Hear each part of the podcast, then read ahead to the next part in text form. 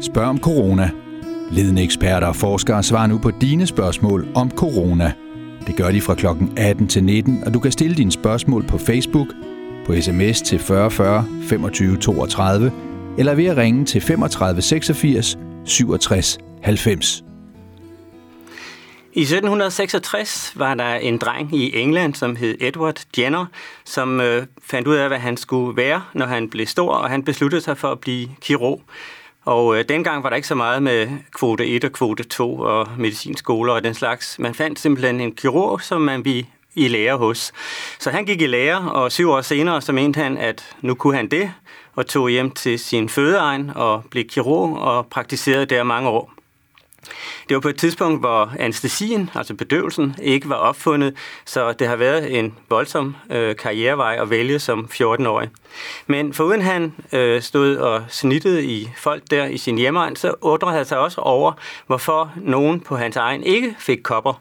Der var nemlig koppeepidemi på det tidspunkt i England, og øh, han undrede sig over, at især malkepigerne ikke fik kopper. De fik godt nok noget andet, noget der lignede kopper, men det var en mildere form, og han havde den øh, idé om, at måske så var de beskyttet af den der mildere form, og fik så ikke den form, som øh, de andre i byen der de fik. Og for at prøve det, så fandt han en dreng i øh, omegnen og øh, inokulerede ham, som det hedder, altså podede ham med de her kokopper, og øh, ganske rigtigt, så fik drengen ikke kopper. Og det var han meget glad for, så han øh, skrev en øh, historie om det og sendte til et af de medicinske tidsskrifter. Og øh, som øh, det altid er, når det er noget nyt og spændende, så var de meget skeptiske, og de ville ikke publicere hans artikel, fordi øh, de mente, at øh, det var et tilfældigt fund. Så, men hvis han kunne lave nogle flere eksempler, så ville de da overveje det. Så han gik hjem og prøvede at lave nogle flere øh, af de her ino, øh, ino, hvad hedder det, inokulationer, og, øh, øh, og så sendte så øh, artiklen ind igen og fik den faktisk øh, accepteret vaccineret. Og det var faktisk øh, starten på vaccination, og grund til, at det hedder vaccination, det er, at en ko hedder vacca på latin. Så det var en kofisering, kan man sige, som han lavede der, en vaccination. Men ellers på de hjemlige egne her er der jo lukket op for, at øh, Danmark skal åbne igen her i midten af april, og øh, at det første og fremmest er børnehaver, der skal åbne, og senere hen er det også andre øh, funktioner i samfundet, og der er sikkert nogen, der vil høre om, hvad konsekvenserne er på det. Og der kan vi jo snakke lidt om flokimmunitet versus, versus isolering af, af smittet og syge, hvis det er. Men øh, vi tager øh, nogle af de første spørgsmål, som allerede er kommet ind her. Og øh, kan man blive screenet for corona-antistoffer, hvis man har haft symptomer? Og det kan man faktisk godt. Der er nemlig to slags test i øjeblikket. Dels er testen der, som vi har haft, om jeg så må sige, hele tiden, hvor vi påviser arvematerialet fra virus, og den påviser altså, om, øh, om patienten har aktiv infektion lige for tiden. Og så er der den anden type af test, hvor man an, netop øh, hvor man påviser antistoffer, og de her antistoffer, de kommer enten øh, ret hurtigt efter, at man har haft infektionen, eller også lidt langsommere efter, og øh, det er dem, der hedder IgG, som er de langsomme og som holder sig længe, og dem, der hedder IgM, som er øh, hurtigt øh, på banen, og som også falder hurtigt igen. Så afhængig af, øh, om man har høj IgG eller IgM, så kan man altså sige, hvor længe det er, siden man har haft infektionen. Men øh, de er også ude i klinikkerne nu, øh, de her antistoftest. Så har vi et spørgsmål med knoglemavstransplantation, øh, om de bør isolere sig, og det må man øh, sige, at hvis det sådan er forholdsvis øh, for nylig, at man har fået en knoglemavstransplantation, så bør man være meget forsigtig, og øh, øh, hvis det er meget kort tid siden, så er man også meget forsigtig på hospitalerne, fordi det ligger man simpelthen i en slags flowbank. Man ligger simpelthen i sådan et sterilt telt, øh, hvor man blæser steril luft ind, øh, fordi man har meget dårlig immunforsvar lige når man er blevet transplanteret, og det bedre så langsomt hen ad vejen. Så øh, en af årsagerne til, at man også skal passe på her, det er, at man får immunsupprimerende medicin, altså medicin, som undertrykker immunsystemet. Og det gør man, fordi at øh, man ikke skal afstøde det transplantat, altså den nye knoglemarv, som man har fået. Så, så der er flere årsager til, at, at man skal være forsigtig der. Og øh, der går givetvis øh, et stykke tid, måske op til flere år, før man har normal øh, immunfunktion igen. Så har vi en øh, SS sms mere. Kan man smitte uden selv at have symptomer? Og øh, det øh, kan man faktisk godt. Øh, og øh, det første gang, jeg så det i hvert fald, øh, at der var nogen, der havde undersøgt det, det var øh, i et studie fra Italien, hvor man havde undersøgt øh, ravl og krat, om så må sige, alle indbyggere overhovedet, øh, symptomer eller ikke, i et øh, afgrænset område. Og øh, der fandt man, at øh, en ret stor del, faktisk øh, tre fjerdedel af dem, som øh, var positive i øh, testen for at have virus, at de faktisk også øh, havde ingen symptomer. Øh, det var altså med andre ord kun cirka en fjerdedel af dem, der var smittet, som havde symptomer. Øh, og øh, dem, som ikke har nogen symptomer, de kan også smitte.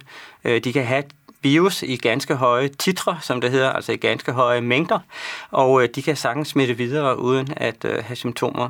Og øh, det er jo derfor, at den her sygdom er så vanskelig at kontrollere, fordi hvis ikke man tester alle, så kan man i realiteten ikke begrænse smittespredningen i samfundet. Så har vi øh, endnu et øh, spørgsmål her. Hvor længe er man cirka syg, fra man bliver smittet?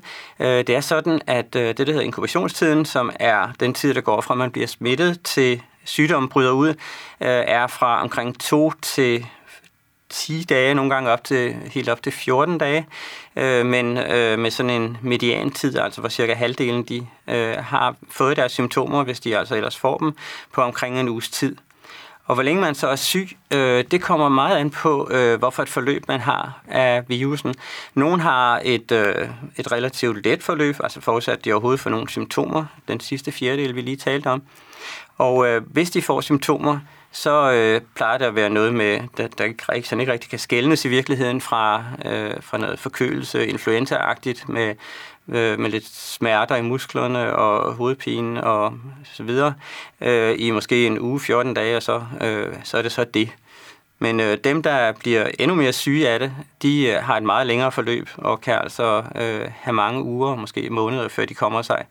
Og det er jo en af de ting, som er helt vildt interessante omkring den her sygdom. Hvorfor i alverden er der nogen, som overhovedet ikke får symptomer? Hvorfor er der nogen, der får øh, influenza-symptomer? Og hvorfor er der nogen, der bliver virkelig, virkelig dårlige af den her virus? Og det ved vi faktisk ikke. Men øh, i øh, ugens løb her var der en af infektionsoverlægerne her fra København, som var ude at sige, at det var nok noget med genetikken. Og øh, det er helt sikkert, at øh, det nok er noget med genetikken, fordi det er en velkendt sag fra andre virus, at øh, det, der hedder HLA-systemet, som står for human leukocyt-antigener, og det er nogle antigener, vi har på vores hvide blodlemmer, og det er dem, som vi i dagligt tale kalder vævstyperne, at de her vævstyper, de har faktisk meget stor betydning for, om en virusinfektion den udvikler sig, eller den ikke udvikler sig. Det kender man altså for eksempel fra influenza. Afhængig af hvilken vævstype man har, så kan man få et, et hårdt forløb eller et blødt forløb. Og øh, det er man kun lige begyndt at undersøge nu, om øh, det er det, der er tilfældet med corona her, øh, om det altså er vævstyperne, som er afgørende for, hvilket forløb man får. Øh, det er sådan, at øh, mekanistisk er det faktisk også ret interessant, kan man sige, øh, hvordan, hvordan vævstyperne spiller ind. Fordi det er sådan, at øh, i vores øh, krop, der får immunsystemet hele tiden præsenteret små stumper af proteiner, øh, små antigener, altså små, små sekvenser af protein, og skal, skal finde ud af, om det er noget, der hører til, eller om det er noget, der ikke hører til i vores krop. Og øh, hvis det er noget, der ikke hører til, så bliver der lavet et immunrespons øh, mod det her mod de her antigener. Men øh, de her antigener, den måde, som de bliver præsenteret for immunsystemet på, det er faktisk via de her vævstype antigener, Øh, de her vævstype molekyler. Og øh, afhængig af, hvordan de er lavet, de her vævstype molekyler, så kan de altså præsentere øh, forskellige andre proteiner på forskellige måder, enten effektivt eller måske ikke så effektivt. Og det er simpelthen årsagen til, at vævstypsystemet har betydning for, hvordan vi bekæmper infektioner, og hvordan vi i hele taget har øh, immunrespons mod forskellige øh, ting, som vi møder i vores øh, dagligdag, antigener. Også for, om vi udvikler allergi og den slags. Så, så det er i hvert fald øh, en vigtig ting. Vi har en sms mere. Hvordan reagerer corona på UV-lys? Kan det bruges som desinfektion og spare tid og penge på rengøring? Og øh, corona reagerer ligesom alle andre mikroorganismer på UV-lys. Øh, de øh, går til af UV-lys, hvis de, altså ultraviolet lys, hvis de får for meget af det. Og øh, man kan godt bruge det som desinfektion. Øh, det kan man faktisk godt. Øh, der er nogen, der har lavet robotter, som kører rundt simpelthen og desinficerer operationsstuer og øh, prøvetagningssteder. Og øh, det er en ganske udmærket ting. Man skal bare huske på, at, øh, at det er mest effektivt der, hvor lyset rammer direkte. Så hvis man er under en bordplade for eksempel, så skal man altså sørge for, at øh, lyset også på en eller anden måde kommer derned, hvis man skal øh, have en effektiv øh, sanering af, af mikroorganismer under bordpladen. Men ellers er det faktisk en udmærket idé. En sms igen er man som 54-årig mand med velreguleret type 2-diabetes, men ellers godt helbred i højrisikogruppen, Øh, nu ved jeg ikke lige, om der er defineret en, en det høj risiko. Der er, jo altid, altså, der er jo altid sådan et kontinuum i medicin, om man er lidt eller meget. Det er jo ikke sådan som regel enten eller. Men øh, man øh, må sige, at øh, diabetes er faktisk en af de øh, faktorer, som gør, at... Øh, at man kan få et, øh, et, et mere voldsomt forløb, end hvis man ikke øh, har det. Altså endokrine sygdomme i det hele taget, altså sygdomme i øh, metabolismen, som er altså i stofskiftet, det er øh, medvirkende til, at man kan få et, øh, et hårdere forløb. Specielt med hensyn til, til diabetes kan det være noget med, at man øh, har et øh, dårligere immunrespons. Øh, det er en velkendt sag, at øh, diabetespatienter hyppigere har infektioner end øh, patient, eller personer, som ikke har, har diabetes. Og øh, det kunne også være en medvirkende årsag til, at man ikke kan clear den her øh, virus så effektivt, som hvis man ellers øh, har øh, normalt øh, øh blodsukkerregulering. Så, så man er i øget risiko, ja. Øh, Bonnie spørger, at øh, hvis, man, hvis man tester dem, der tror, at de har haft corona, øh, vil de så kunne besøge deres sårbare øh, familiemedlemmer. Og øh, man kan sige, at øh, det kunne man da sagtens, øh, hvis man tænkte sig, at man havde så god testkapacitet i øjeblikket, så man kunne teste alle, som øh, gerne vil testes, så kunne man faktisk øh, bruge begge test, kan man sige, til at, og, øh, at lukke op for besøgende hos øh, sårbare øh, familiemedlemmer. Man kunne bruge den første test til at finde ud af, at man i hvert fald ikke i øjeblikket havde en aktiv infektion. Og det er jo sådan set det vigtigste. Øh, man kunne også bruge test nummer to til at påvise, at øh, man havde haft øh, coronavirusinfektionen.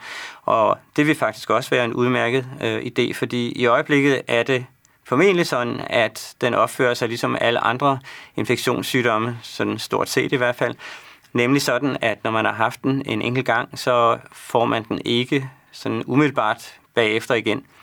Øh, der er ingenting i medicin, der er sort og hvidt, som jeg plejer at sige. Øh, det går på, at øh, der er øh, tilfælde faktisk, hvor man har kunne påvise, øh, at øh, efter man har overstået infektionen og blevet rask, at man så har fået øh, infektionen igen, eller at den er blusset op igen. Men det hører til sjældenhederne, og øh, øh, de store linjer er, at øh, når man har haft det, så har så er man i hvert fald immun i et stykke tid. Og hvor længe det stykke tid er, øh, det ved vi faktisk heller ikke endnu. Det skal vi først lære her øh, det næste stykke tid. Så har vi igen en øh, uh, sms. Hvis man sidder i bilen med handsker og maske på, kan man så smitte den, der sidder ved siden af. Uh, I bil kan man sige, der uh, har man jo de samme betingelser, som man har indendørs. Man sidder altså i et uh, indelukke, hvor der formentlig ikke er den helt store luftfornyelse. Og uh, der må man sige, at uh, der er det faktisk muligt at smitte hinanden, fordi... Uh, hvis øh, en inficeret person øh, nyser eller hoster, eller måske ovenikøbet bare ånder ud i luften, så vil der være små partikler af virus og små dråber, som bliver frigivet fra personen, og dem kan den anden person sådan set øh, indånde, eller, eller komme i berøring med, eller få i øjnene, eller hvordan øh, indgangsvejen nu er. Og det gælder nok øh, uanset øh, om man øh, har maske på eller ej, fordi de her partikler er så små, at øh, de formentlig kan trænge igennem øh, det her maskemateriale, og øh, også komme ind ved siden af masken. Øh, I øjeblikket er der ikke sådan det helt store øh, tiltro til, at masker har den helt store virkning. Øh, man mener, at øh, de måske i virkeligheden er mest effektive, hvis øh, en person, som har infektionen, bærer masken snarere end en person, som vil undgå at få øh, infektionen. Fordi øh, hvis, en, hvis en person, som har masken, bærer den og, og nyser, så kommer øh, i hvert fald en god del af dråberne jo ikke længere end til masken. Men øh, det vigtigste ved at bære en maske er i virkeligheden måske, at man bliver opmærksom på, at man ikke skal føre hænderne op i ansigtet, øh, fordi øh, en af smittevejene er jo, hvis man har virusinfektion på, altså viruspartikler på hænderne, at man så klør sig i øjet, eller, eller piller sig i næsen, eller sutter på fingeren, og øh, så har man faktisk virusen indenbords i øh, kroppen. Øh, man har jo ikke, virusen kan jo ikke gå igennem intakt hud i hvert fald. Så så længe man kun har den på fingrene, så sker der jo ikke så meget. Man skal altså have den ind i kroppen på en eller anden måde ved at øh, få den på en slimhinde et eller andet sted på, på kroppen. Så masken kan være en hjælp til, at man bliver opmærksom på, at man ikke skal føre sin hånd op i ansigtet. Ja, og så har vi igen en sms. Jeg har læst i tysk presse, at øh, firmaet CureVac måske allerede er klar med en vaccine til efteråret. Har du hørt om det? Og jeg kender ikke lige øh, CureVac, men øh, der er jo rigtig øh, øh, pres på at lave vacciner i øjeblikket, og måske er det blevet lidt mere interessant med coronavirusen, end det er blevet med øh, SARS, øh, som jo forsvandt ret hurtigt ud af, øh, af befolkningen igen, og med MERS, øh, som også forsvandt, øh, eller som måske stadigvæk øh, florerer lidt, øh, skriver man faktisk i tidsskrifterne. Men i hvert fald øh, SARS forsvandt ret hurtigt, og så bliver det jo ikke så interessant at lave en vaccine. Men, men øh, coronaen her ser ud som om, at den har tænkt sig at blive et stykke tid i hvert fald, og derfor så er det selvfølgelig interessant. Øh, det er jo interessant at prøve at komme hurtigt igennem med en vaccine, og øh, der har man nogle nye metoder. Var gamle dage, hvor man lavede inaktiveret øh, virus, og, eller, eller ligesom Jenner der tog en, øh, en, øh, en stamme, som var svækket, og brugte den til at, at vaccinere med, så kan man nu faktisk af, øh, vaccinere direkte med arvematerialet fra virus. Og øh, mekanismen i det er, at kroppen simpelthen laver de proteiner, som arvematerialet fra virusen de koder for. Og øh, så, øh, bliver, øh, så bliver der jo simpelthen dannet et artsfremmed protein i kroppen, og det reagerer immunsystemet så på. Ligesom hvis man havde givet øh, i bakterierne eller, eller de inaktiverede virus, eller hvad det nu var, man, man plejede at give. Så øh, det, at man ikke skal lave proteinet først, det speeder faktisk tingene ret hurtigt op. Øh, så, øh, så trinene i sådan en proces, øh, det er at se at få lavet en vaccine, som man får testet ret hurtigt. Og resten, det går så faktisk på at øh, finde ud af, at den ikke er skadelig for øh, befolkningen. Fordi det er jo mange doser, man skal lave. Det er rigtig store mængder, man skal fremstille af de her doser. Og øh, det er jo rigtig bittert bagefter at finde ud af, at man har lavet en milliard vaccinedoser, øh, hvis man så finder ud af, at, at, at mange får bivirkninger af det. Så en meget stor del af det er faktisk øh, kontrolforsøg, øh, som man skal, skal, man, som man skal køre. Og øh, nogle af de her ting, der er det jo ret øh, klart, om det virker eller det ikke virker. Men øh, ellers, øh, den måde, som man normalt laver øh, medicinske kontrolforsøg på, det er ved at lave øh, en, øh, det, der hedder en randomiseret prospektiv øh, dobbeltblind undersøgelse og en randomiseret dobbeltblind prospektiv undersøgelse. Det går på, at øh, når man giver et stof til en patient, så ved hverken patienten eller de læger, som snakker med patienterne og overser dem, øh, at øh, hvem, der får, hvem der får hvad. Altså man har jo en gruppe jo, som øh, ikke får, og en gruppe, som får et aktivt stof. Og øh, der er det meget vigtigt faktisk, at både patienter og læger ikke ved, øh, hvorfor en gruppe det er, som, øh, som, som har fået det aktive stof. Det er også meget vigtigt, at man øh, tilfældigt øh, giver øh, den ene eller det andet stof til patienterne. Fordi hvis de... Øh, hvis man, hvis man, hvis man kan meget, meget let komme til, for eksempel hvis man har nogle patienter, som er rigtig dårlige, så siger man, okay, vi må hellere give dem noget af det aktive stof. Og så kan man igen ikke sammenligne resultatet faktisk. Øh, det er man nødt til at, at trække løjet om, hvem der skal have det aktive, hvem der skal have det inaktive stof. Og den sidste ting, man forlanger, det er, at øh, det er en prospektiv undersøgelse. Det vil sige, at man, man siger, nu er klokken 0, og nu ser vi fremad, og så giver vi et øh, stof til patienterne og ser, hvad der sker i fremtiden. Øh, det modsatte er, at øh, man siger, her har vi en gruppe af patienter, som er blevet syge, og her har vi en anden gruppe af patienter, som ikke er blevet syge. Hvad skete der med dem i fortiden? Og det er så det, man kalder en retrospektiv undersøgelse. Men øh, hvis man skal have nogen til at tro på øh, lægemiddelundersøgelser, så skal de altså være prospektive. Så siger man, okay, vi starter alting nu og gør alting ens, og så ser vi, om der er en forskel. Så det var et lille kursus i øh, lægemiddelafprøvning. Men øh, der kommer formentlig snart øh, noget nyt omkring vaccine. Kan man selv henvende sig til myndighederne for at blive testet? Og det kan man, ja. Øh, ens praktiserende lærer kan, kan henvise til de her testcentre, Og øh, efterhånden, som man får større kapacitet til at teste, så bliver, bliver det også nemmere at få lov at teste. Og øh, i begyndelsen for eksempel øh, kunne øh, sygehuspersonale, som passede kritisk syge patienter, jo ikke kom til at blive testet, øh, selvom de havde symptomer. Der var øh, de facto øh, øh personale, som, som ikke kunne blive testet, og fik at vide, at, øh, at de bare skulle gå på arbejde. Og øh, det øh, har jo formentlig ikke været nogen god idé på det tidspunkt. Øh, nu øh, har vi, jeg arbejder selv på, på Rigshospitalet, fået en mail om, at øh, alle, der har lyst og som har med patienter at gøre, kan blive testet. Og det er selvfølgelig vejen frem, at øh, man sørger for, at øh, i hvert fald sundhedspersonalet er smittefrit, så de også kan tage sig af syge patienter, som jo er mere modtagelige for smitten, end raske patienter er. Så har vi, øh, hvorfor nogle raske mennesker bliver meget syge af covid-19, og mens andre næsten ikke mærker noget. Det er simpelthen et øh, 100 dollar spørgsmål i øjeblikket. Et rigtig, rigtig, rigtig godt spørgsmål, øh, som øh, der bliver brugt meget energi på at finde ud af, hvorfor det er. Noget af det øh, har formentlig med øh, vævstyperne at gøre, som vi lige øh, talte om for et øjeblik siden, men der kan også være andre faktorer. Øh, man øh, deler sådan set øh, infektionen op i to forløb i øjeblikket. Øh, man har, eller man kan sige ligefrem tre forløb måske, sådan et, et forløb, hvor man ikke har nogen symptomer, et forløb, hvor man har de her almindelige influenza-symptomer, og så et forløb, hvor alting ligesom går helt galt. Øh, det er altså et øh, forløb, hvor man bliver så kritisk syg, så man skal på hospitalet og måske have ilt og måske ligefrem have øh, assisteret vejrtrækning, altså i respiratorbehandling, og øh, hvad det er, der gør, at øh, nogen øh, er i fase 1 af den her sygdom, og andre i fase 2, og nogle andre igen i fase 3, øh, det, øh, det har man faktisk ikke så meget øh, idé om. Men øh, man mener nok at vide, at det, der sker i fase 3, hvor folk bliver meget syge, at det er i virkeligheden ikke så meget et øh, målrettet immunrespons. Øh, det er i virkeligheden mere et, øh, et, en fase, hvor immunsystemet øh, går amok og laver nogle ting, som det faktisk ikke bør gøre. Øh, der er øh, nogle øh, indikationer på det på den måde, at øh, at mange af patienterne har i den her fase det, der hedder lymfocytopeni. Og lymfocytopeni, det går på, at øh, de har for lidt lymfocytter i blodet. Lymfocytterne er dem, som øh, starter immunrespons, øh, som fører til antistof og også til det, der hedder T-cellrespons.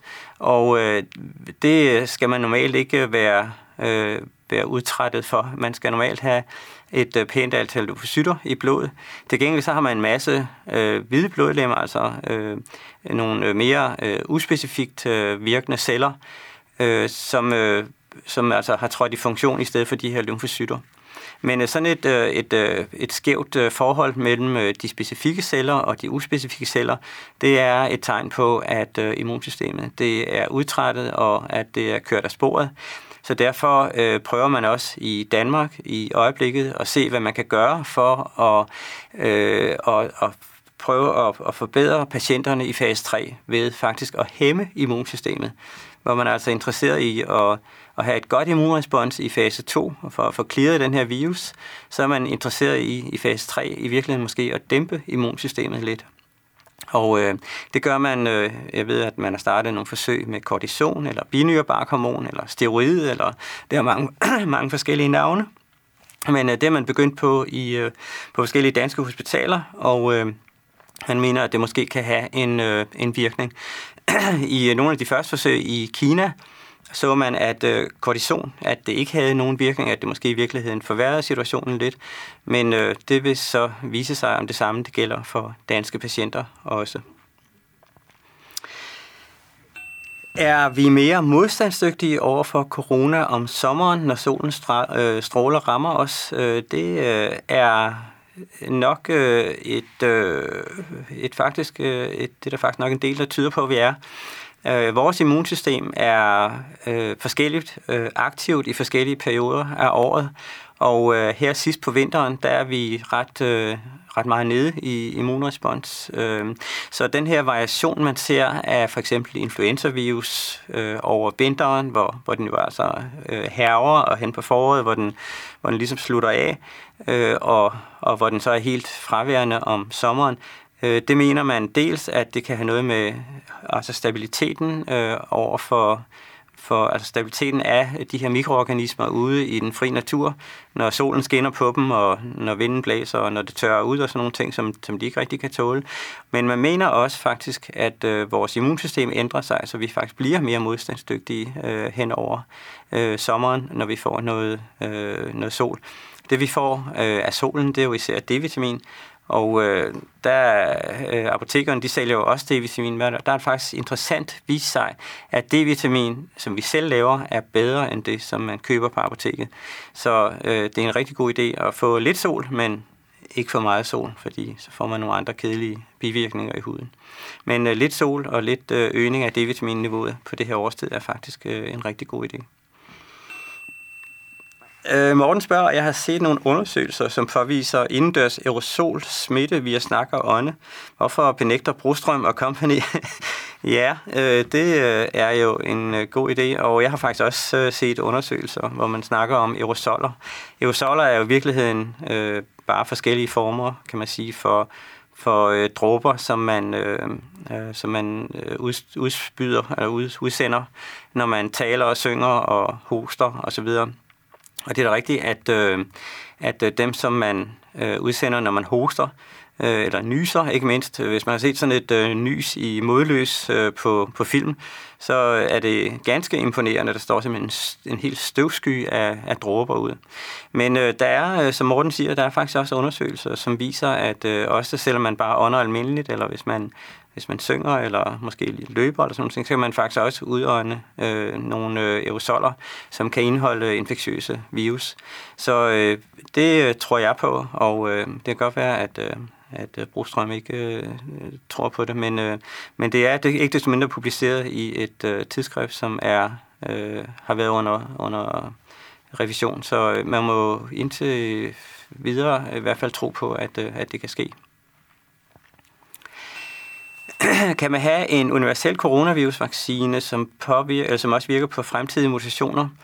Og øh, det kunne man i princippet godt. Øh, men øh, det er jo sådan et øh, våbenkapløb, som man laver med, med de her virus i virkeligheden. Så, øh, så hvis man tænkte sig, at øh, man lavede en øh, virus, som ikke bare vir- eller en virus, en vaccine selvfølgelig, som ikke bare virkede på den vaccine, nu går det helt galt, som ikke bare virkede på den virus, som er der nu, men også på fremtidige virus, så kan man være helt sikker på, at øh, den virus, som øh, er der nu, den vil mutere til noget andet end det, som øh, man har indbygget i vaccinen.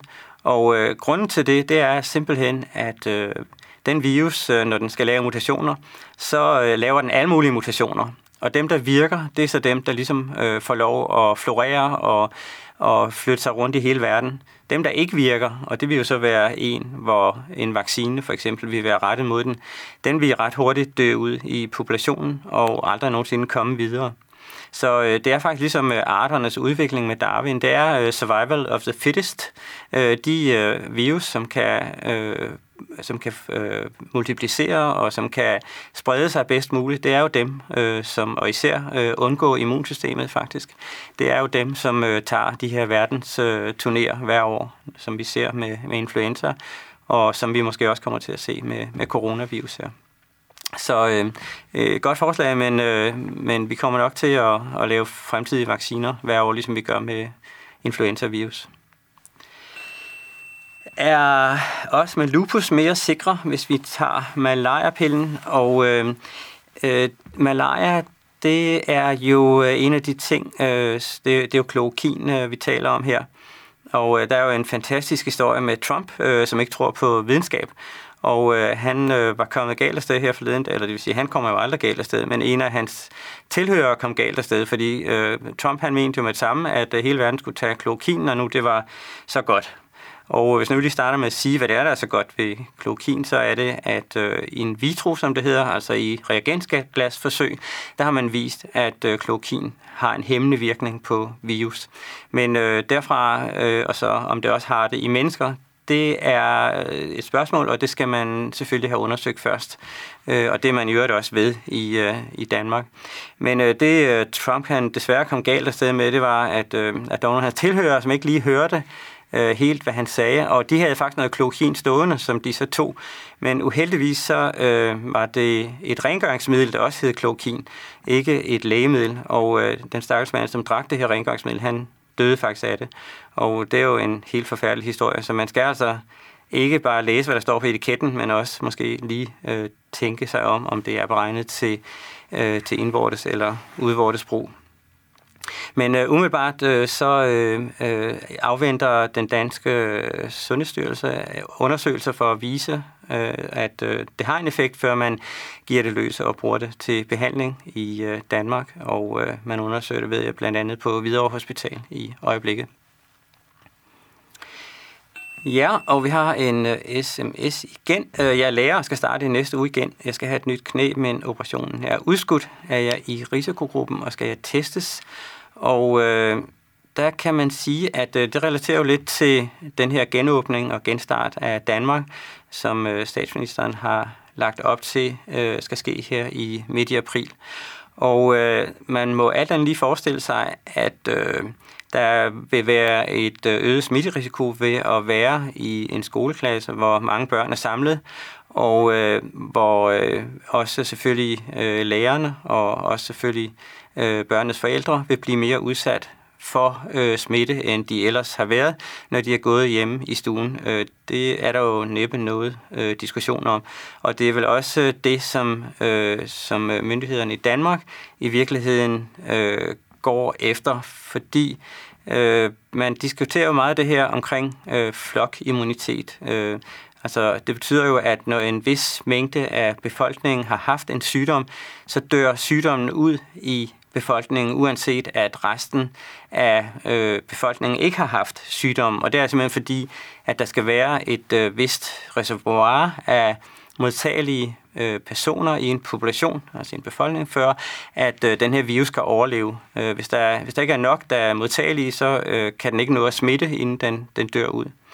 Og øh, der er åbenbart øh, ganske få i Danmark, som er blevet smittet af coronavirus forløbig. Man har jo øh, holdt meget igen faktisk med at teste i Danmark, og især har man holdt meget igen med at teste hele populationen, altså teste uanset om man havde symptomer eller man ikke havde øh, symptomer. Men der er lige øh, kommet nogle undersøgelser, hvor man altså har undersøgt bloddonorer, som jo heller ikke er hele populationen, men det er dog en slags øh, udsnit, som er langt mere repræsentativt end dem, som kommer med coronavirusinfektionssymptomer. Øh, og i den her blodundersøgelse, der fandt man, at øh, kun lige under 3% af blodprøverne fra donorerne, de var positive. Og det er meget, meget, meget langt fra at være noget, der ligner flokimmunitet. Fordi øh, man kan jo ikke præcis sige, hvor, meget, øh, hvor mange i befolkningen, der skal være øh, immune, før man kan sige, at, at resten af befolkningen er sikret. Men vi taler ikke 3% vi taler måske 30 øh, procent eller 50 procent, eller der har været nævnt helt op til 60 procent. Så derfor er der meget, meget, meget langt igen til, at der er flokimmunitet i den danske befolkning. Og øh, regeringen siger jo, at øh, de satser ikke på flokimmunitet. Det er ikke en strategi men det er en, øh, det er en, tror man kalder det en uundgåelighed, tror jeg, øh, Brostrøm kaldte det en uundgåelighed. Men man kan sige, der er jo ligesom kun to muligheder i øh, sådan en kontrol af en infektion. Enten så tester man vidt og bredt og isolerer de syge fra de raske, og så undgår man at sprede øh, sygdommen i befolkningen. Eller så lader man sygdommen sprede i befolkningen, og så satser man altså på flokimmunitet. Så hvad enten man kalder det flokimmunitet, eller man ikke kalder det flokimmunitet, så er det altså den strategi, som den danske øh, sundhedsstyrelse, danske sundhedsministeriet har, har valgt. Og øh, om det er rigtigt eller godt eller forkert, øh, det må historien vise. Men øh, det er det, øh, som man prøver at åbne op for nu med at åbne op for det danske samfund igen og prøve at se, om man kan få øh, lidt mere smitte rundt i befolkningen faktisk. Så har der været nogen, der har snakket om, at det er nu etisk at gøre, når det er børn. Og øh, der kan man sige, at, øh, at øh, børn øh, får alt andet lige øh, meget færre symptomer end voksne. Så måske, øh, er, det, måske er det etisk forsvarligt. Øh, det, det tør jeg faktisk ikke rigtig øh, sige. Det har vi jo normalt øh, etiske komiteer, som øh, der sidder og udtaler sig om, og jeg har ikke set dem udtale sig om noget i den sammenhæng her. Men øh, i hvert fald vil det jo føre til, at øh, også forældre øh, og, og læger bliver smittet. Så, øh, så den med operationen der, øh, der øh, vil man øh, øh, i hvert fald måske øh, have situationen lidt mere under kontrol, før man begynder at lave øh, det, der hedder selektive operationer. Selektive operationer, det er altså dem, man ligesom vælger at gøre i modsætning til de akutte, som ikke kan udskydes. Men, øh, men øh, det hedder så ikke selektive, det hedder elektive, sorry. Men elektive operationer øh, vil man formentlig først starte med at gøre igen, øh, når, når situationen er stabiliseret yderligere, og man har god øh, risiko for, øh, god chance for, at man ikke har øh, har slæver infektionen med rundt på hospitalerne. Og øh, der har man som sagt nu mulighed for at teste øh, personalet i hvert fald. Så, og til dig, der spørger med, øh, med din operation, der vil jeg være yderst øh, hvad hedder det, øh, påpasselig og opmærksom på, hvis du selv havde øh, symptomer, så vil jeg bestemt på det tidspunkt bede om at blive testet, inden jeg vil lægge mig op til det nye knæ der. Vi har en telefon igennem. Det er Freddy fra Stenløse. Er du med, Freddy, fra Stenløse? Det kan du tro, ja. Det lyder godt. Velkommen til programmet. Og øh, har du også et spørgsmål måske der til, til corona? Ja, jeg har et par stykker. Det lyder godt. Det er fordi, at øh, jeg lider, eller har meget kraftig søvnomløb. Ja. Øh, og jeg sover med maske om natten. Øh, og min øh, søvnomløb var så kraftig, at øh, min vejrtrækning stoppede 61 gange i timen, dengang jeg fik lavet en undersøgelse. Ja. Og hvad, kan, øh, og hvad kan det påvirke mig, hvis jeg skulle blive smittet? Fordi at, øh, der er ikke nogen, der kan svare på det en gang ind på Gentofte, hvor jeg hører til. Eller 18-13, eller... Du er simpelthen kommet til det helt rigtige sted, Freddy. Det kan jeg selvfølgelig heller ikke, men, men jeg, kan, jeg vil godt give et bud, faktisk. Øh, det er sådan, at øh, i hvert fald øh, mange af dem, som har søvnapnø, de øh, er også overvægtige, og nu ved jeg ikke, om det gælder dig. Jo, det gør. Det gør det, okay. Men, øh, men jeg skal lige sige, at søvnapnø, for dem, der ikke lige øh, ved det, det er jo, som du siger, at øh, når man sover, øh, så kan man øh, glemme at trække vejret, øh, og så vågner man op, øh, fordi at øh, der er nogle mekanismer i kroppen, som gør, at, øh, at, øh, at man bliver øh, alarmeret, og så tager man nogle dybe indåndinger, og så vågner man lidt, og så uden at man egentlig kommer til bevidsthed, ikke, så vågner man lidt, og så, så trækker man vejret lidt igen, og så, så går hele natten på den måde. Man, man kører meget op og ned i, i søvndybde, og sover i virkeligheden rigtig dårligt. Mm-hmm. Og øh, behandlingen er, som du siger, så at man får en CPAP-maske på, altså en, øh, sådan en Continuous Positive Airway Pressure hedder det, altså et, et øh, kontinuert øh, positivt øh, luftvejstryk, at laver ja. den her maske, ikke? sådan så at luftvejene faktisk hele tiden bliver holdt åbne. Og det er en rigtig, rigtig god behandling, og mange får det markant øh, bedre af at, at sove med sådan en CPAP-maske der. Ja, det er også rigtigt. Det er også rigtigt, ja. Så, gør, så ja. vidt så godt. Men øh, selve CPAP'en der, og selve øh, lungeaffektionen der, altså normalt så har man jo normal lungefunktion, øh, så vidt jeg ved i hvert fald, når man har, øh, når man har det her søvnapnø. Men, øh, men øh, faktisk er det sådan, at øh, hvis man øh, hvis man er overvægtig på grund af, altså, som er den til grundlæggende lidelse tit i, eller tilstand i, øh, i, øh, i forløbet for det her søvnapnø, så har man faktisk en øget risiko for at få et øh, sværere forløb med sygdommen. Det læste jeg faktisk lige øh, i dag. Der var nogen, der havde lavet studier på, på overvægtige patienter. Okay. Så, øh, så du skal lige øh, passe lidt på, når du, øh, når du øh, trykker hånden, og, og være lidt mere opmærksom på, at, at, øh, at ikke at blive smittet. Ikke? Så. Du og har... så med sådan som allergi, øh, græsallergi og alt det der, der som generer nede i luftvejene her. Ja, ja. Jeg har ikke set noget med allergi. Det, det bliver der faktisk svar skyldig på, om, øh, om der er noget med allergi. Det, øh, det, det tør jeg faktisk ikke sige, om der er. Men øh, det er jo sådan, at øh, når man har allergi, så har man også inflammation i luftvejene. Og øh, det kan måske tælle begge veje i virkeligheden. Øh, altså hvis du har et immunsystem, som er lidt på tæerne nede i lungerne, så kunne man godt forestille sig, at det kunne være mere aktivt end øh, hos øh, almindelige, øh, som ikke, eller normale personer, som ikke havde allergi. Men ja. man kan faktisk også tænke sig det modsatte, og det er måske mere sandsynligt i virkeligheden, at hvis, øh, det er nemlig tit sådan, at hvis øh, immunsystemet har én ting at slås med, så er det faktisk dårligere til andre ting. Og ja. øh, hvis nu jeg lige må øh, snakke mus i 15 sekunder, så, så er det faktisk sådan, at, at mus, der får sukkersyge, hvis man irriterer dem øh, med øh, at give dem øh, for eksempel noget... Øh, øh, noget af det her, man farver hår med, og bare putter det på deres ører, så får de noget, øh, nogle irriterede ører, og så får de faktisk mindre diabetes. Fordi immunsystemet, det glemmer at, at, at angribe deres øh, insulinproducerende celler. Jeg skal bare, jeg skal bare farve mine ører, eller hvad? ja, ja. Øh, nej, det vil jeg faktisk ikke. Jeg vil faktisk sige, at du hellere skulle blive af med den der, den der allergi der, hvis du kunne det. Det, det kan jeg jo ikke, fordi altså, det er jo, det er jo, jeg har udendørs job, jeg har et ja. eget havefirma og sådan noget. Ja. Og det, ja. Det, det er jo selvfølgelig sådan en lidt smart bemærkning, ikke? Øh, men øh, jeg ved noget af det, som, øh, som hjælper mange af dem, jeg snakker med med allergi, når de har taget al deres medicin, eller sådan, så siger jeg altid, hvorfor skyller du ikke dine øjne og din næse? Og øh, på den måde, der får man faktisk pollen ud før det begynder at lave alle de her øh, forfærdelige ting ind i kroppen med at frigive histamin og alle de der ting, øh, så man skal ja, have antihistaminer. Ikke? Så hvis man har, øh, hvis man tager lidt vand og så lige sådan snøfter op øh, i næsen øh, et par gange om dagen, så kan man faktisk snøfte mange af de der pollen ud. Og hvis ja, man klar at bruge det der salvand, man kan købe til at sprøjte op. Nemlig. Det er simpelthen øh, øh, vejen at gå i, i det der. Ikke? Og også med, siger, Ja, undskyld. Ja, også med øjne. Hvis du har sådan en øh, flaske, og du prikker et lille hul i, der står sådan en tynd stråle op, så kan du holde øjet ud over, og så lige få skyllet øjet ud, ikke så? Ja. Der kan du komme sige, rigtig langt med det. Det vil sige, at jeg skal tage 20 kilo på 14 dage? Ja, øh, og der kan jeg anbefale...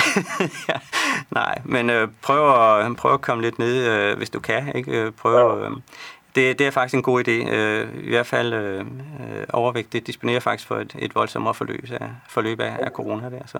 Ja, det Ja, Tak for det. Freddy, øh, tak fordi du ringede. Det var super. Ja, det er godt. Ja, ja. tak skal du have. Hej. Hej, hej. Rodalon, er det lige så virusdræbende som håndsprit, og hvilken version skal den så have? Øh, Rodalon er bestemt øh, udmærket, men øh, det er faktisk altså bedre til løbesko, som ikke lugter godt, vil jeg gerne øh, lige slå et slag for. Øh, til de her virusting øh, behøver man slet ikke så krasse løsninger. Hvis man vil bruge håndsprit, så skal man op på 70 procent. Men øh, opvaskemiddel, øh, bare sulfo, er rigtig, rigtig godt til virus også. Øh, så man kommer rigtig, rigtig langt med de der gamle husmorråd, med, øh, med øh, bare øh, altså almindelig rengøring, almindelig øh, håndhygiejne. Og øh, det gør man, fordi at øh, mange af de her virus, de er fedtopløselige. Der er sådan en fedt øh, hinde omkring dem. Og den får de, den der fedthinde, den får de, når de trykker sig ud igennem vores celler, fordi vores celler er omgivet af en membran, en øh, fedtopløselig membran, og øh, den kommer simpelthen til at hænge på de der virus, når de trykker sig ud igennem øh, vores øh, cellevægge. Så øh, den bliver strippet af, når man bruger opvaskemiddel, og øh, det klarer de ikke, det der virus der, så er de inaktive bagefter. Så, øh, så øh, øh, jeg vil øh, holde det simplest muligt, og bare øh, simpelthen øh, bruge øh, sæbe og vand øh, til, til håndhygiejne. Det virker rigtig godt så. Og øh, hvordan får man en test, hvis man skal til Thailand i juni? Øh, og øh, i øjeblikket tror jeg faktisk ikke, at øh, det umiddelbart øh, er et øh, indikationsområde, som øh, det hedder, øh, for et test. Øh, man skal helst øh, være, øh, det skal man selvfølgelig helst ikke, men altså hvis man skal have lavet en test, øh, så, øh, så forlanger man, øh, at man skal have lidt milde symptomer, eller man skal have en mistanke om, at øh, man har det. Så, øh, så umiddelbart, så tror jeg faktisk, det bliver svært at blive testet, men du kunne jo måske øh, en dag få lidt øh, milde symptomer, øh, sådan, så, øh, så du kunne ringe og sige, om ikke øh, du kunne blive testet. Så øh, kunne det nok godt lade sig gøre alligevel, vil jeg tro. Øh, men øh, profilaktisk er man faktisk ikke øh, gået ud og har, altså forebyggende er man ikke gået ud og, og har tilbudt det endnu. Så. Vi har en uh, telefon som det næste her. Vi skal til Bogense. Er du med os, Kurt? Ja, det er jeg. Det var dejligt. Velkommen til. Tak fordi jo, du tak. ringede. Ja. Har du et uh, corona-spørgsmål her? Ja. Ja? Det har jeg. Må jeg høre? Ja, jeg vil gerne spørge, om øh, alle danskere vil være smittet for corona. Ingen af vi er sikre på, at ikke er corona mere her i Danmark. Og kan man blive smittet op til flere gange?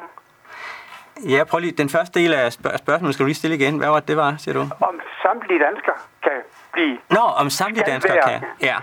Så er vi er helt fri for at have det i Danmark. Ja, nej, det behøver samtlige danskere faktisk ikke at øh, få, fordi øh, hvis øh, en vis del af befolkningen har fået det, så vil der være for få tilbage for, at øh, virusen den kan hoppe fra øh, den øh, den raske til den, til den raske til den raske til den raske. Den skal hele finde, tid finde en, en rask person at hoppe til. Javel. Og hvis der bliver for langt mellem den, så, øh, så når den ikke at hoppe, før den selv dør. Javel, ja. Så, så man skal over et eller andet vis procent, men øh, det er jo afhængigt af, hvilket land man bor i, og hvilken Ja. virus, der er tale om og sådan nogle ting. Ja, så ja. vi behøver ikke alle sammen at få den, Okay. kan man sige. Og hvis Nej, man, nej. Hvis man havde testet fra starten af, så var der faktisk ingen, der havde behøvet stort set at få den. Ikke? Så, så kunne man have haft det meget, meget lavt. Og så kan man sige, ah, tror vi nu også på det. ja, ja, ja, men, ja. øh, men der er det faktisk sådan, at øh, der er faktisk øh, steder, der er faktisk et sted i Italien, en lille by, der hedder Vo, øh, som ligger oppe i Norditalien.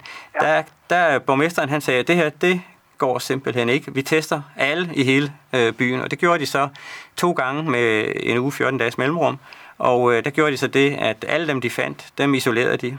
Og øh, der er ikke flere tilfælde. De har simpelthen øh, renset ud. Der er ikke flere tilfælde i det Nej, område nu. nej, ja, så hvis man kan holde området lukket og ikke få nye ja. tilfælde, så kan det faktisk godt lade sig gøre, uden at øh, særlig mange bliver smittet, ikke? Hvis, man, Okay, hvis man ja, går ind ja. for testning. Meget interessant faktisk. Ja, ja, ja, Meget interessant. ja, ja.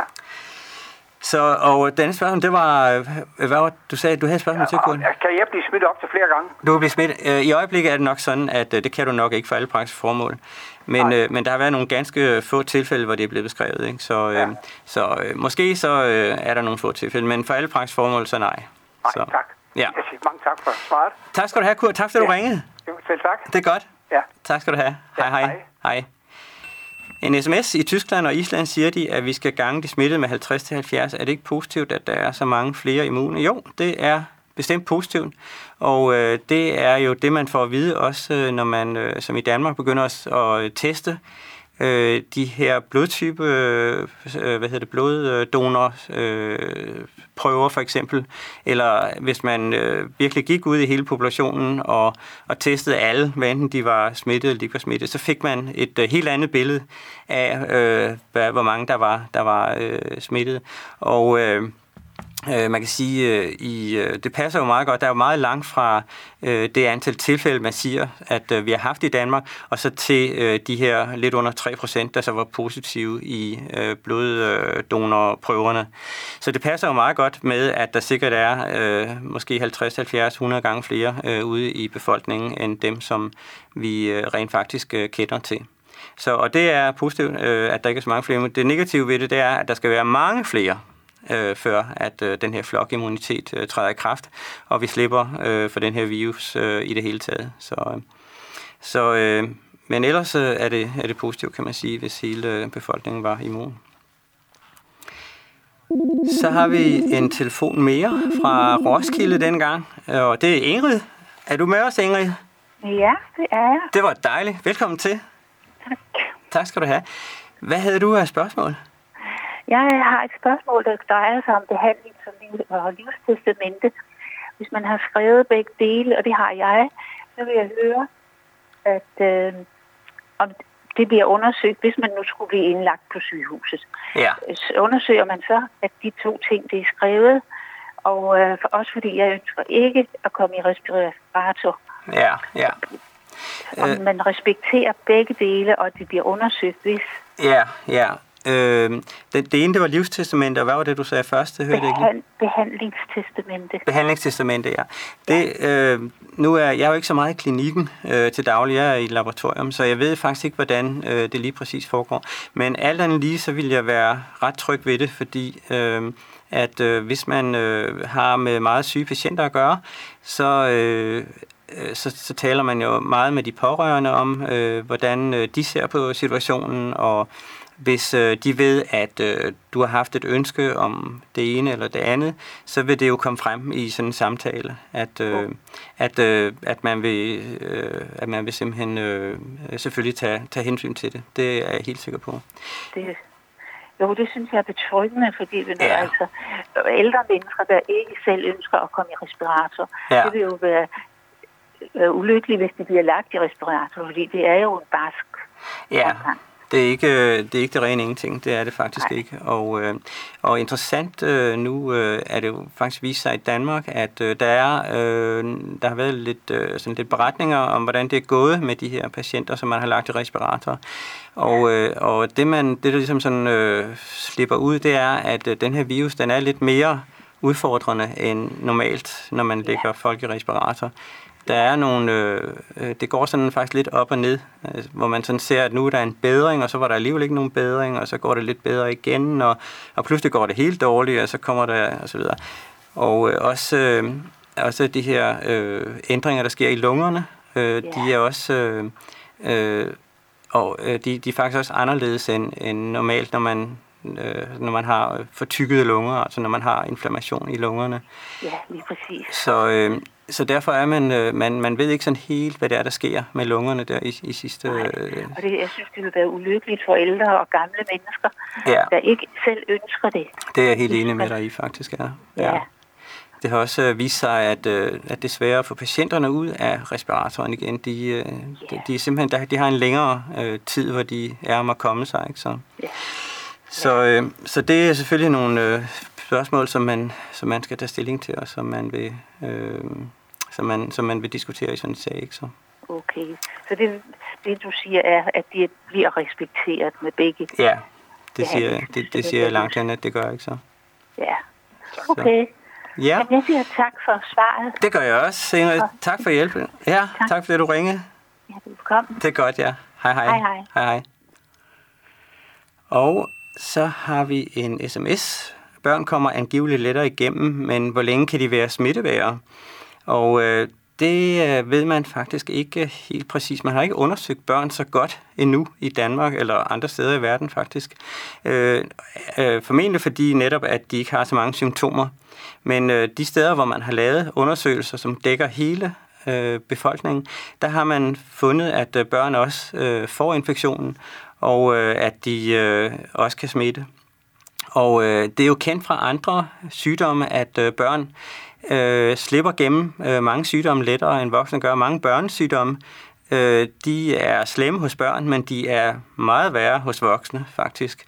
Og øh, personligt øh, kender jeg en øh, kollega, som øh, øh da han havde små børn, der var han, han var faktisk konstant syg i to år. Han, øh, han havde den ene forkølelse efter den anden hele tiden. Men øh, hans børn, de havde det simpelthen meget godt. De, øh, de var selvfølgelig lidt, øh, øh, en gang imellem var de sådan lidt øh, pjevsede, men ellers øh, gik det stort set godt. Men han var virkelig, virkelig, virkelig syg, og øh, det viser den der forskel, der er mellem børn og voksne. Og øh, man mener måske, at øh, det kan være noget med, at børn de har et øh, mere aktivt immunsystem, end voksne har. Og de har også øh, bedre evner faktisk. De har nogle flere øh, såkaldte TH2-celler, som er celler, som regulerer immunsystemet. Og øh, så er de måske også bedre virkelig til at begrænse de skader, der kan ske hos øh, øh, voksne, når immunsystemet ligesom går amok. Så øh, vi ved ikke, hvor længe de kan være smittebærere, men øh, de, kan, de kan formentlig være i... Mit bud, det vil være i hvert fald øh, måske øh, nogle uger, måske op til, til lidt mere end det. Vi skal til Bilund, og øh, jeg ved ikke, om Nils han er med os på linjen fra Bilund. Jo. Det var dejligt. Tak skal du have. Velkommen ja. til, Nils. Hej. Hej. Hej. Hej. Har du et øh, spørgsmål der, du lige ja. er kommet i tanke om? Ja. Det er, um, jeg har været landmand, og der fik jeg uh, dårlig lungekol i 86. Og det gik så 10 år, så kommer der over at ilt døgnet rundt. Mit spørgsmål det er, er jeg lige så udsat som de andre? Ja, du, du får stadigvæk ilt, og du har stadigvæk øh, selvfølgelig øh, øh kol der, ikke? Jo, ja. jeg har, ja. Ja, KOL øh, skal vi lige sige til dem, der øh, ikke har det, at øh, det står for kronisk obstruktiv lungesygdom. Ja. Og det er altså en sygdom, som, hvor man altså har svært ved at få øh, god nok lungefunktion, kan man sige. Ja, det er øh, Ja. Øh, og hvis, hvis du har en øh, nedsat lungefunktion, så er du i større risikogruppe for at ja. få et uh, sværere forløb med, uh, med det her coronavirus. Så, mm. så der, vil jeg, der vil jeg holde mig lidt væk fra, fra dem, der kunne smitte mig i hvert fald. Øh, ja, okay. Og sørge for, for en rigtig god hygiejne. Ikke, så. Ja. Så det, det skal du sørge for at passe lidt på dig selv der i hvert fald. Ikke, så? Det gør. Men ja. spørgsmålet det er, nu når jeg tager ilt hele døgnet, ja. Er det så lige så stor risiko? Ja, man kan sige, ikke, øh, ikke i sig selv ved at tage, tage ilt. Det gør nok ikke så meget øh, forskel i, i risikoen, kan man sige. Men, øh, men det, der ligesom er, øh, er indikationen for det måske, det er, at hvis man har behov for ilt hele døgnet rundt, så har man øh, en, øh, en svært nedsat lungefunktion. Mm. Og, øh, og så dermed har man også øh, en, øh, en, øh, en større chance for et, et øh, mere voldsomt forløb, hvis man skulle blive inficeret. Ikke så? Ja. Men ilten i sig selv gør ikke noget, kan man sige. Nej, for det er det, der sker først, når man bliver indlagt. Så får man jo ilt. Ja. Men ja.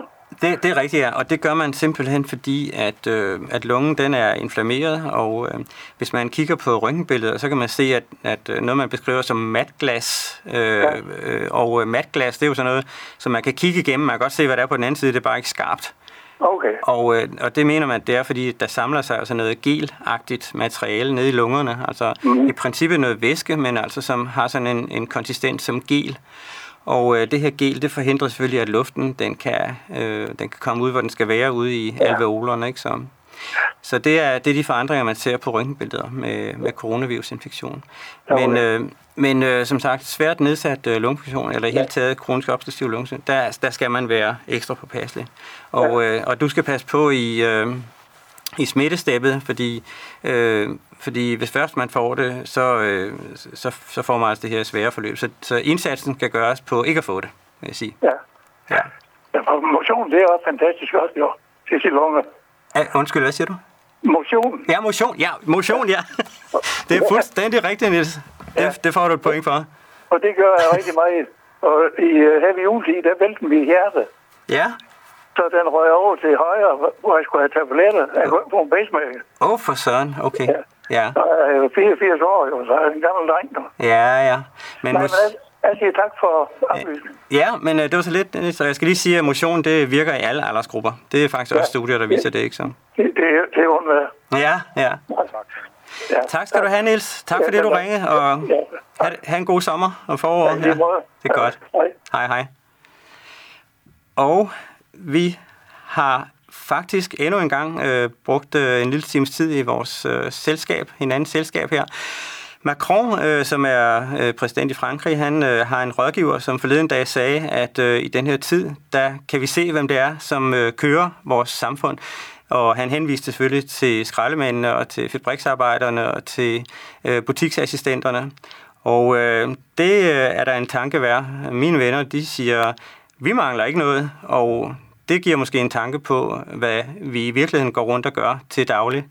En af dem sagde oven købet, at, øh, at øh, isolation, det havde han siddet i de sidste 35 år. Men der vil jeg sige, der var han heldig, at han ikke havde sin kone med. For det tror jeg ikke, hun havde taget som gode varer. Det eneste, jeg vil sige, det er, pas på jer selv, have et godt forår, det er helt fantastisk udenfor, og hvis I har lyst, så øh, ses vi nok igen en anden gang til flere historier fra medicinens verden. Tak for nu.